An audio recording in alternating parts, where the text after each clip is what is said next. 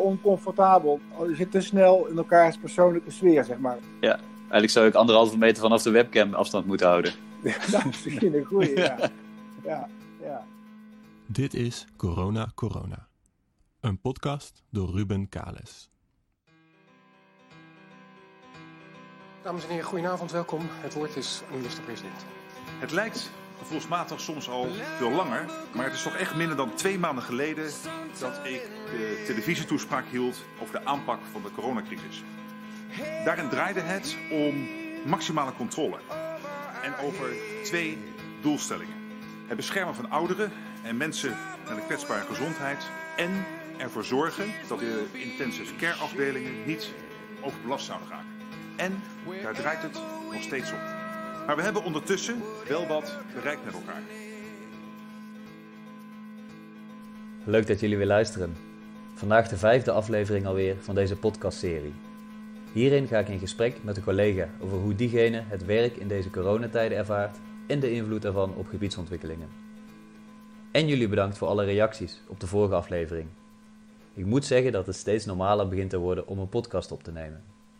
Sowieso wordt het leven langzaam weer iets wat normaler. Ik zie bijvoorbeeld alweer iets meer vrienden, al is het op een veilige anderhalve meter afstand. In dit nieuwe normaal blijf ik wel podcast opnemen. Vooral omdat ik het heel leuk vind om te doen en omdat het leuk is iets nieuws te leren in deze gekke tijden. Daar spreek ik zo ook over met mijn gast van vandaag, Michiel Kappendijk. Veel plezier. Welkom Michiel. Goedemiddag. Goedemiddag. Ik zit uh, thuis op mijn bank en jij zit uh, waarschijnlijk uh, ook thuis. En toch doen we gewoon alsof het een vrijdag is en we op kantoor elkaar tegenkomen. Hoe gaat het met je? Hoe het met me gaat? Nou, um, ik ben ontspannen, maar wel zwevend. Als ik het, als ik het formuleer zo. Dat moet je even iets nader toelichten, denk ik. Nou, ontspannen, dat natuurlijk je, je dagelijkse routine is overzichtelijk. Het is om maar rond het huis. maar ook wel zwevend, omdat ja, ook al je accepteert de situatie zoals die is. Uh, en je wacht eigenlijk tot, er, ja, tot, tot het concreter wordt. En tot die tijd uh, roei je een beetje met de riemen die er zijn.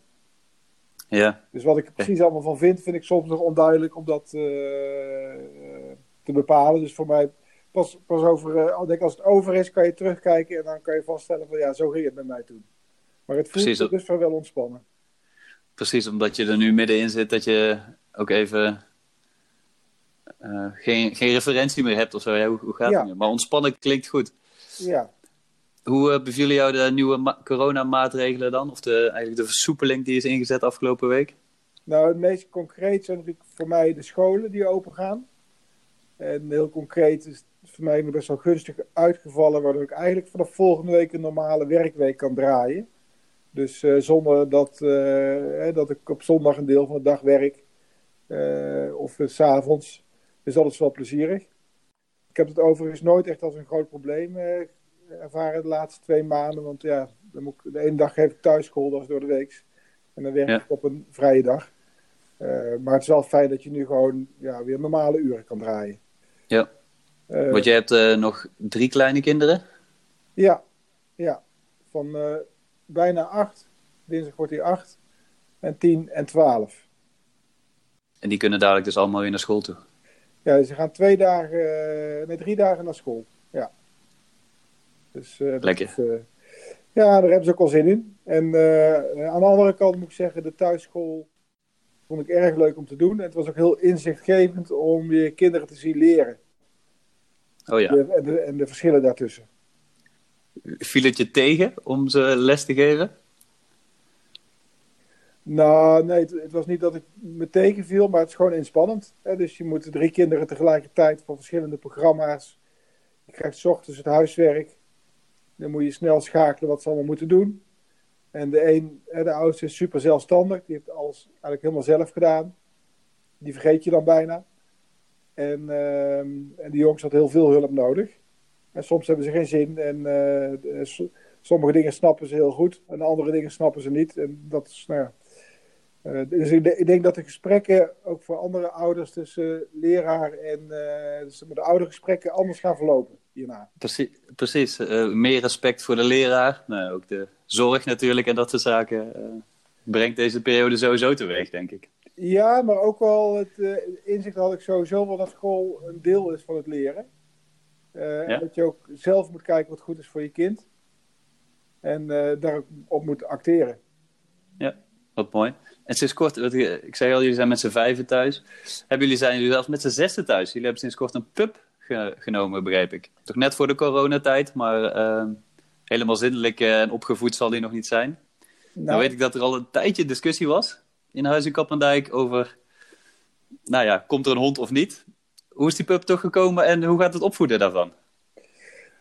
Nou, eigenlijk heel goed. Het is een Labrador, dus die zijn heel uh, leergierig. Het voordeel van een hond ten opzichte van een baby is, is dat hij na een week of zes zindelijk is.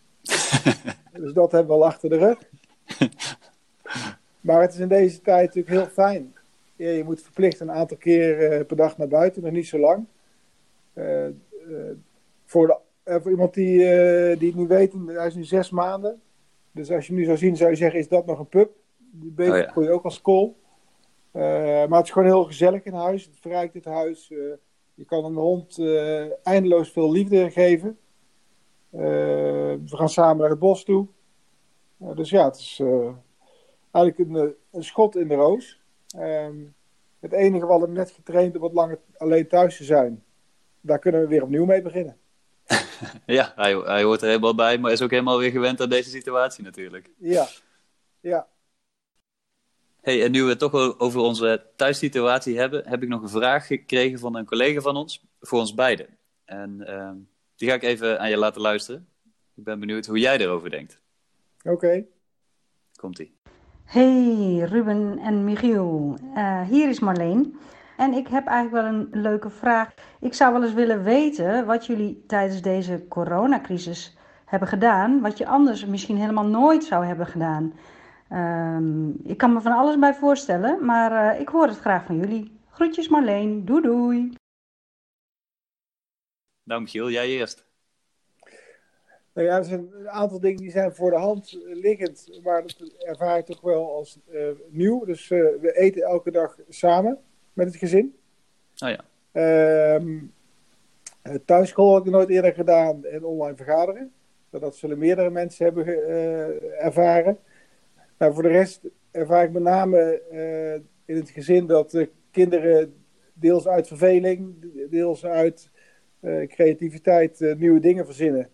Dus zo heeft onze oudste een hele serie van Wie is de Mol geproduceerd.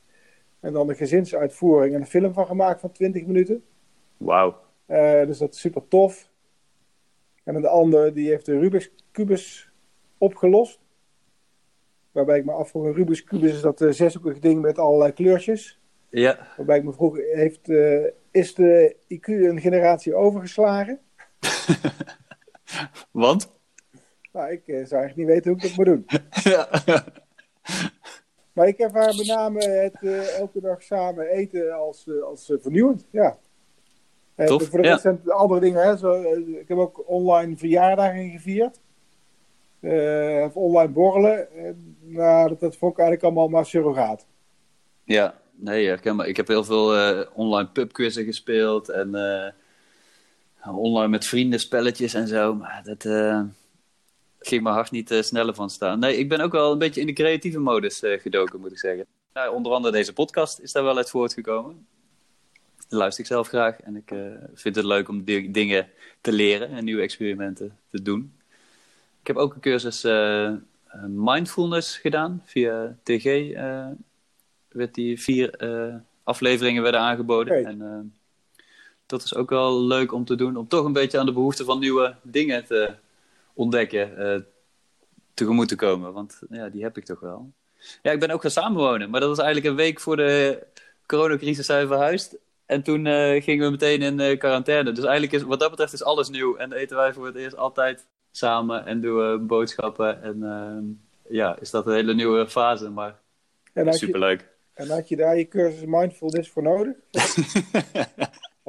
ja, precies. En vandaar dat ik ook een podcast maak om toch af en toe even andere mensen te spreken. nee, Nee, het gaat, uh, uh, het gaat supergoed. Ik ben heel blij dat we ook nog net voor deze crisis zijn gaan samenwonen. Uh, want anders had ik nu alleen in mijn appartementje gezeten en uh, hadden we elkaar uh, sporadisch, of nou, minder vaak gezien. En nu is er altijd iemand in de buurt. Dus dat is super leuk. Ja, maar ik denk dat wat belang, ik denk belangrijk is dat ik, ik prijs mezelf toch wel gelukkig dat je samen woont met mensen. Want anders als je heel de dag alleen bent en ook s'avonds alleen bent, dat lijkt me toch wel ingewikkeld. Ja. Dus als je een maatje hebt met wie je samenwoont of een gezin, dat geeft toch heel veel structuur in je leven en feedback. En uh, anders moet je het allemaal maar zelf uitzoeken. Ja, precies. Ik, uh, ik ben heel blij dat we net op tijd uh, de verhuizing hebben doorgezet. Dus ja. daar komen, komen we goed uit. Nee, leuk. Wat zijn de dingen die je heel erg mist dan, deze periode? Of die je, ja, die je niet kan meemaken nu? dat is een goede vraag.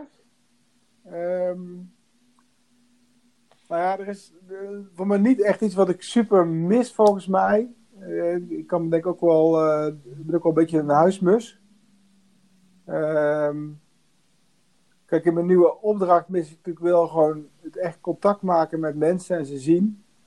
En het informele circuit, wat eigenlijk online toch ingewikkelder is. We moeten toch uitvinden hoe het online informele circuit, hoe dat werkt. Ja.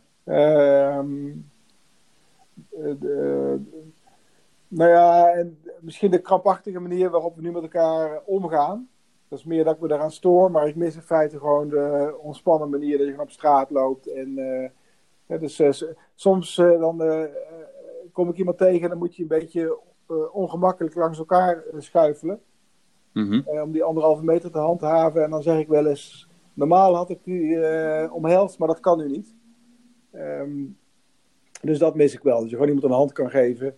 Ja. Uh, uh, ja.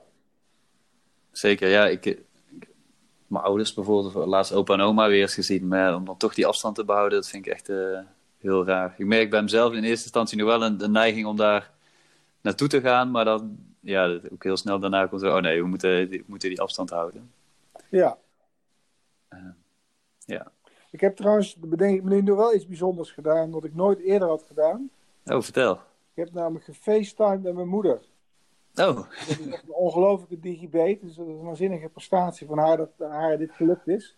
Ja. Was ik zielsgelukkig. Uh, de dag erop lukt het al niet meer, maar het is wel één keer gedaan.